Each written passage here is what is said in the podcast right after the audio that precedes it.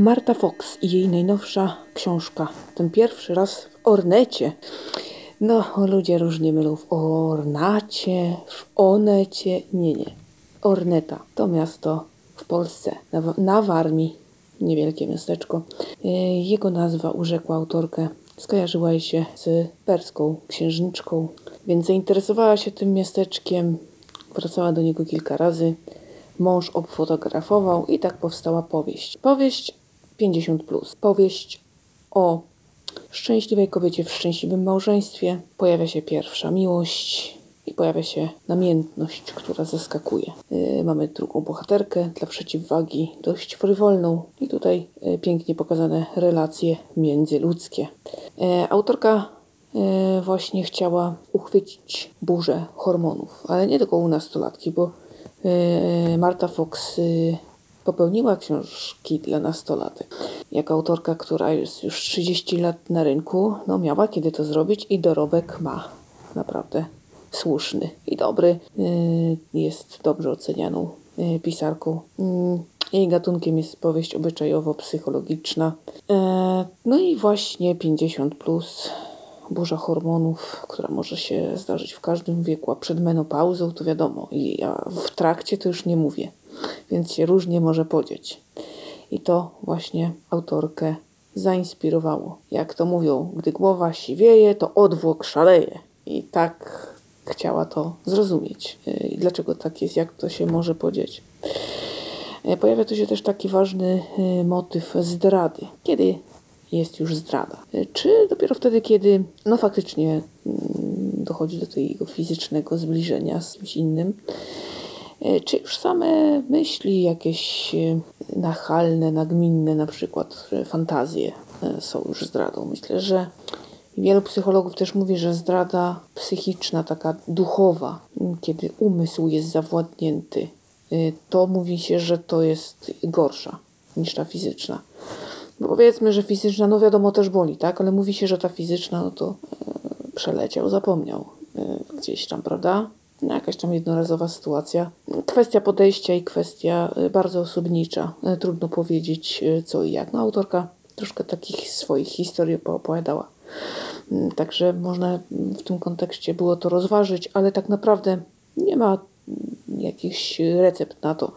Nie ma gotowych takich wskazówek. Wszystko musimy sami y, rozważyć, w razie czego w naszych umysłach, w naszych sercach nigdy nie wiadomo, co komu w życiu pisane, jak to się mówi. E, no więc nie wiadomo tak naprawdę, ale jest tutaj ten temat na pewno poruszany. Jest tutaj też taki wątek, kiedy właśnie cierpienie, no bo ponieważ namiętność, której niekoniecznie chcemy prawda, realizować, no może być dla nas takim źródłem dyskomfortu. Żeby cierpienie przekuć w co innego, na przykład jakąś pasję, w jakąś tam inną rzecz dobrą. No to też taka e, ciekawa e, historia.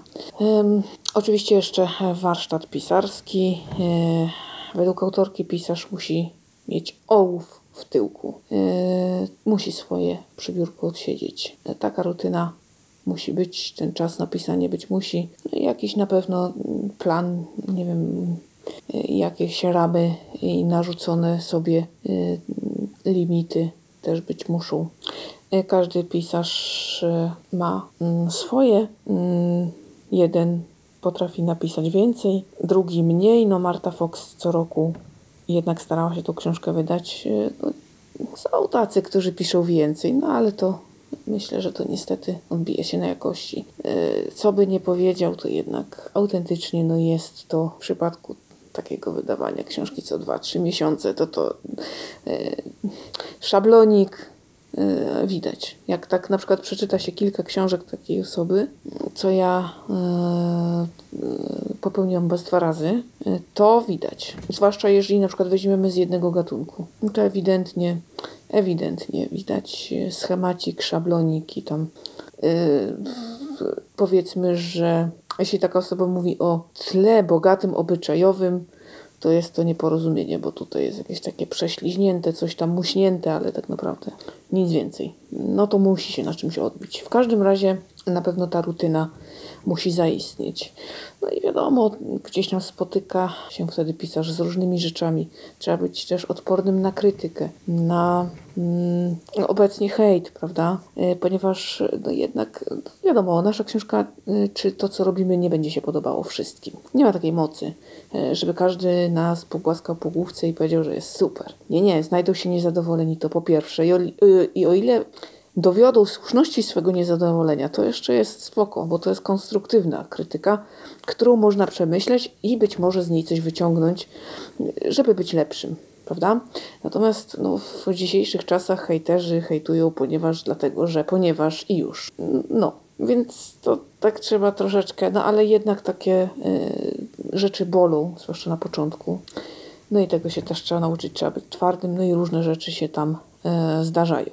I w swojej książce, tutaj tej najnowszej i w e, poprzednich również, autorka starała się pokazać takie e, rzeczy, które dziś już trochę odchodzą do lamusa, czyli stosunki dobrosąsiedzkie. E, To jak kiedyś blok, czy tam w klatka potrafiła żyć no bardzo blisko, każdy wiedział, kto jest kto i jakoś tam się kojarzyliśmy, pomagaliśmy sobie, a dzisiaj mm, tak naprawdę mm, dobrze, jeżeli wiemy, kto obok nas mieszka, prawda? A tak to, to potem to już nie wiadomo. E, Też są już różne roszaty i tak dalej, ludzie się przeprowadzają, migrują, ale mimo wszystko e, pęd jest taki, że nie mamy czasu, to raz raz, a drugi, e, druga sprawa, jesteśmy bardziej zamknięci.